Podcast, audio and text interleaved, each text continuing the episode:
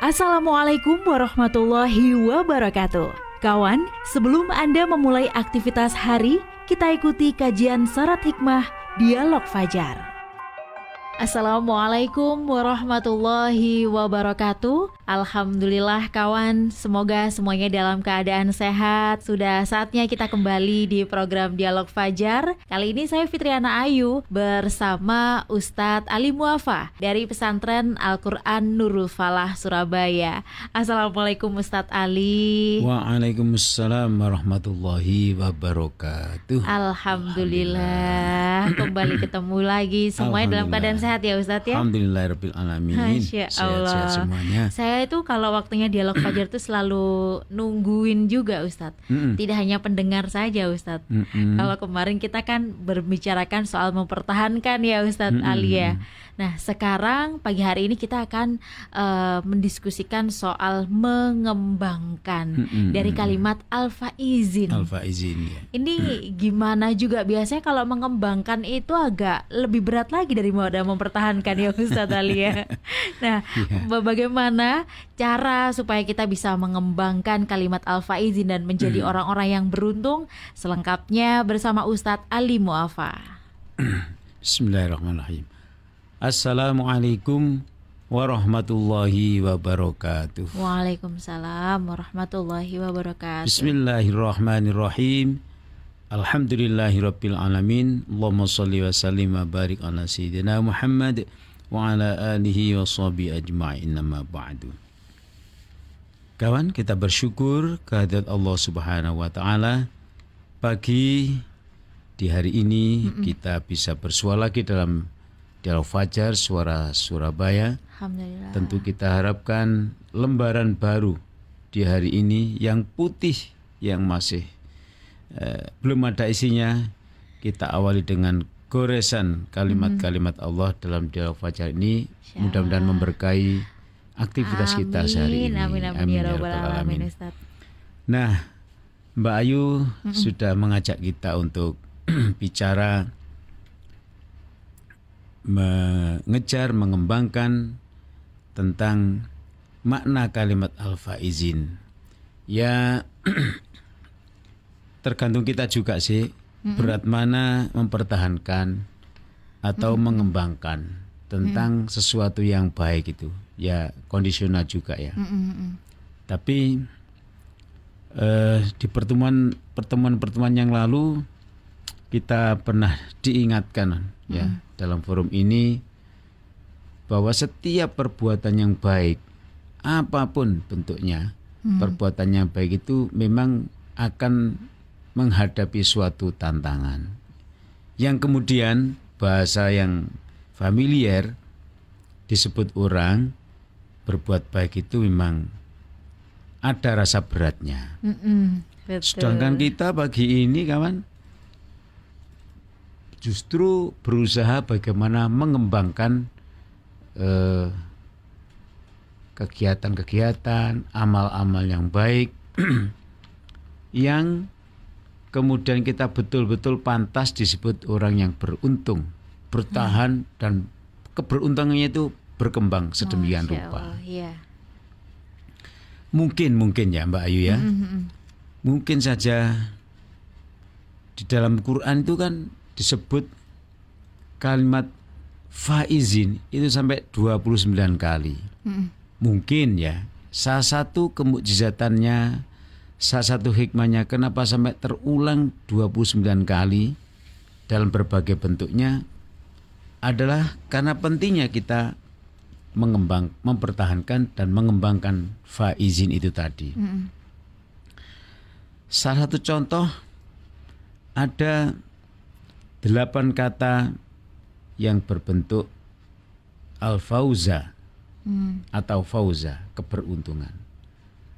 Ada juga tiga kali disebut, disebut al-fauza itu yang memiliki arti, arti tempat, mafaz misalnya ya bahasa Arabnya.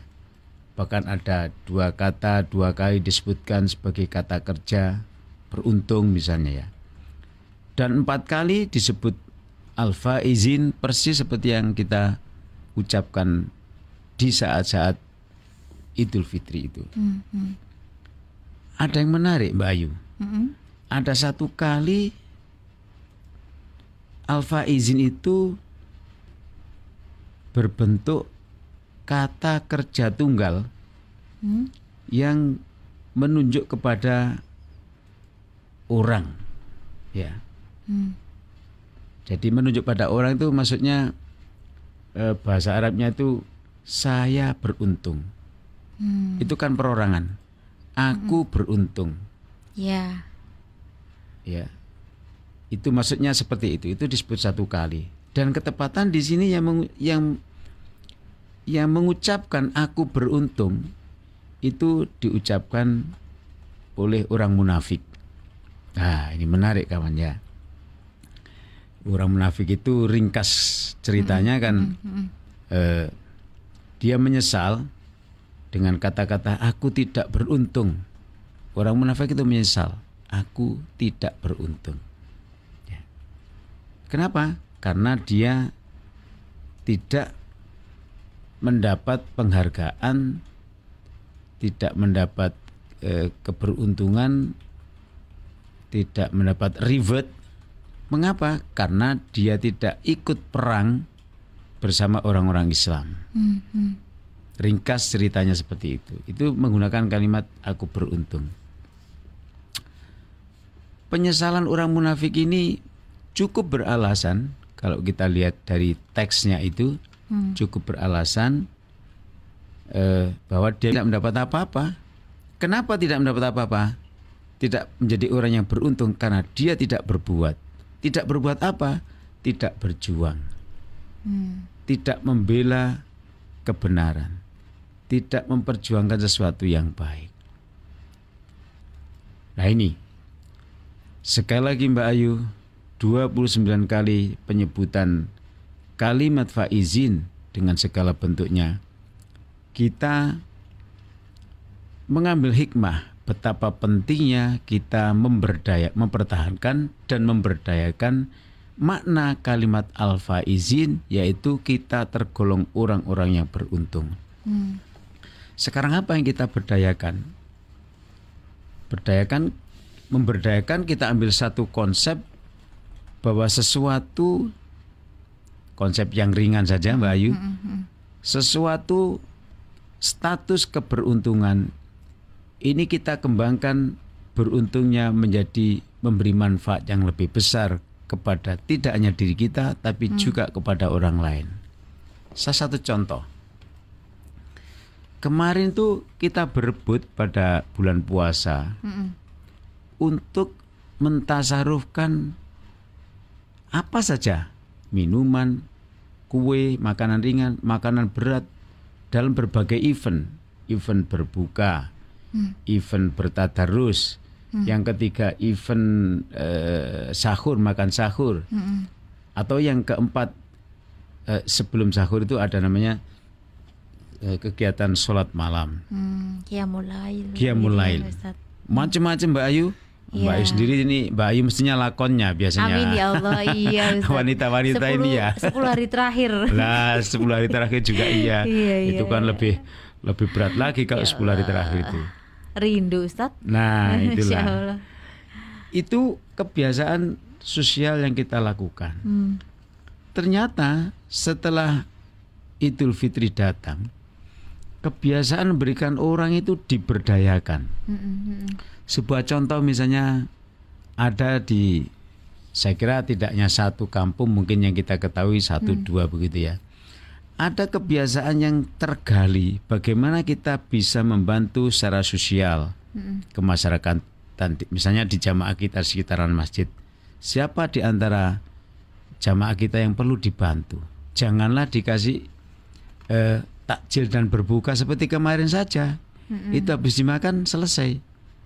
Kita berpikir bagaimana tidak pemberian kita, bantuan kita tidak bersifat konsumtif. Hmm, Akhirnya lahirlah sebuah kesepakatan untuk pemberdayaan status faizin beruntung itu. Dicarilah anak-anak yang diperlukan untuk dibantu secara ekonomi, disekolahkan. Yang anak-anak SD atau kita mundur anak-anak TK kita berikan beasiswa selama TK A, TK B atau TK kecil, TK besar. Hmm. Bahkan mungkin ada daycare lagi ya. Tiga tahun kita biayai bagi yang memerlukan bantuan itu.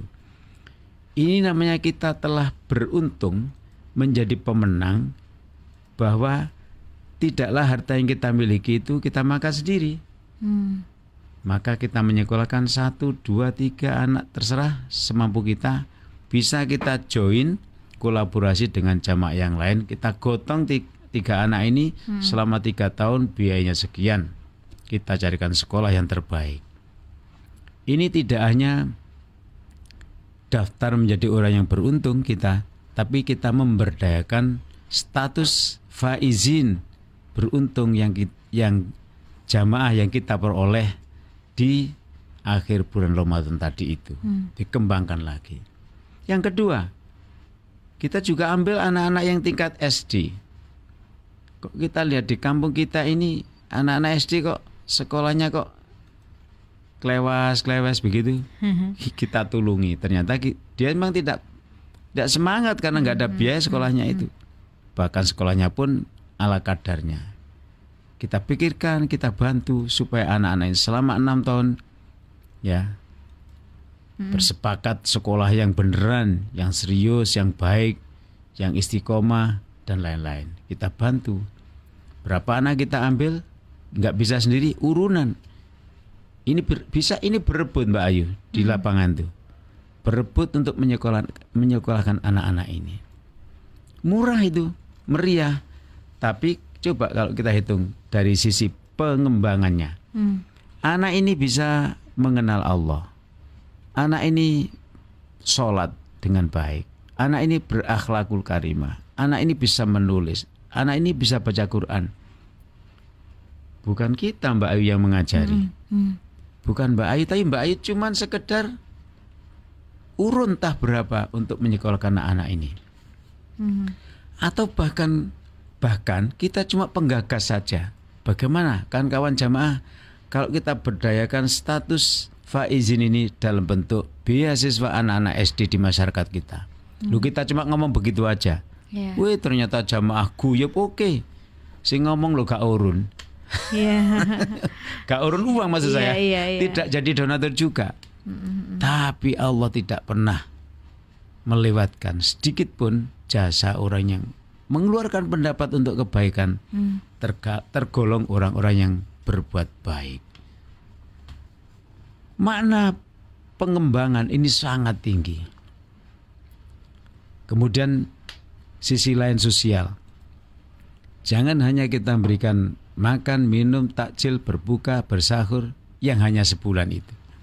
Bagaimana orang-orang tua kita yang sudah sepuh-sepuh di kampung kita?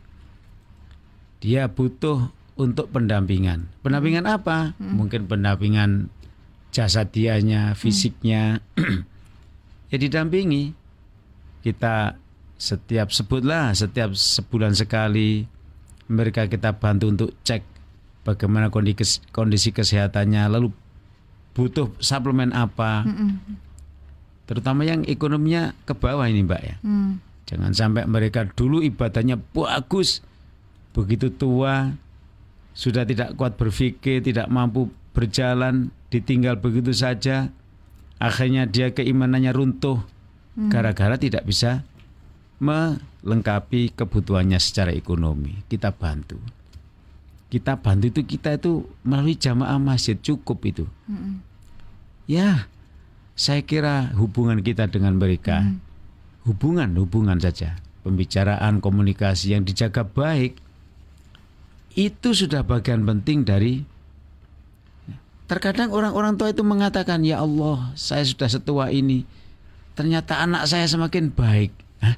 Kita tidak ngerti Mbak Yusuf apa yang disebut mereka semakin baik anak-anaknya ternyata kita ini yang lebih muda itu ya diakui sebagai putra putri beliau hmm. yang sangat menyayangi mengasihi orang setua beliau itu. Hmm. Apakah mereka nggak punya anak? Ada di antaranya. Apakah mereka tidak punya anak?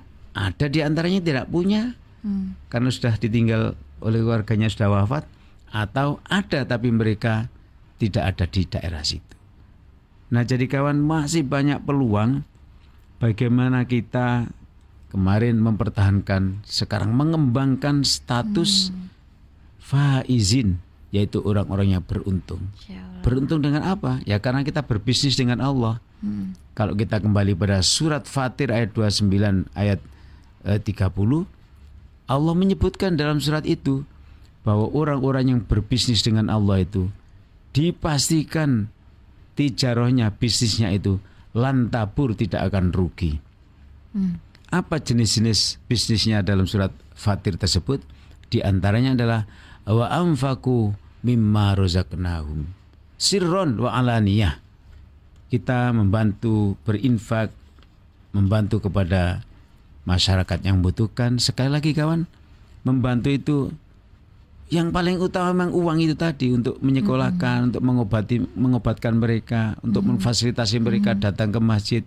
Ada yang menjemput PP, kita biayai itu. Mm. Dan ini disebutkan oleh Allah bisnis yang tidak pernah rugi bagi mm. kita semuanya.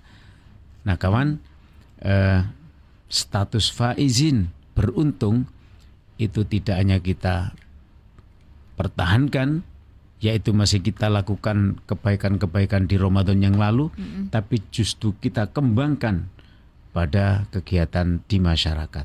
Amin amin amin ya robbal alamin. Tapi Mbak Ayu ada yang bilang kalau mencari masyarakat yang butuh dibantu nggak ada di kampung kami. Nah gampang kerjasama dengan masjid yang lain iya, yang ada di iya, pinggiran betul, sana kan. Banyak Ustaz. Nah iya Masih ada. kita yang cari ya, donaturnya, ya. mereka yang kerjakan, kita kerjasama. Ha urusan akhirat itu sangat gampang sekali. Masya Allah. Nah kawan, mudah-mudahan dialog fajar ini semakin menginspirasi kita amin, dan amin, kita amin, ya ditakdir oleh Allah Subhanahu wa taala menjadi orang-orang yang tidak hanya mempertahankan status al-faizin orang-orang beruntung tapi kita juga mengembangkan aspek-aspek kegiatan kita yang dapat membelah lapangan lebih luas lagi memberikan eh, manfaat kepada orang-orang banyak dan kita insya Allah menjadi orang-orang yang faizin seterusnya. Amin, amin, ya amin ya, Rabbal alamin. Masya Allah mencerahkan sekali Ustadz pagi hari ini. Amin, amin. Pelajarannya untuk mengembangkan supaya kita tetap menjadi orang-orang yang beruntung uh, selalu mengembangkan kebaikan-kebaikan yang sudah pernah kita lakukan. Demikian Amin, juga ya kawan dialog Fajar pagi hari ini. Saya Fitriana Ayu dan juga Ustadz Ali Muafa pamit. Wassalamualaikum warahmatullahi wabarakatuh. Waalaikumsalam warahmatullahi wabarakatuh. Program Dialog Fajar yang baru Anda simak kerjasama Suara Surabaya dan Pesantren Al-Quran Nurul Falah Surabaya, lembaga dakwah yang amanah, profesional, dan berbasis Al-Quran. Pesantren Nurul Falah mencetak guru-guru Al-Quran dengan metode tilawati dan tafidz Al-Quran. Informasi dan pemberian donasi hubungi 031 828 1278 atau nurulfalah.org. Wassalamualaikum warahmatullahi wabarakatuh.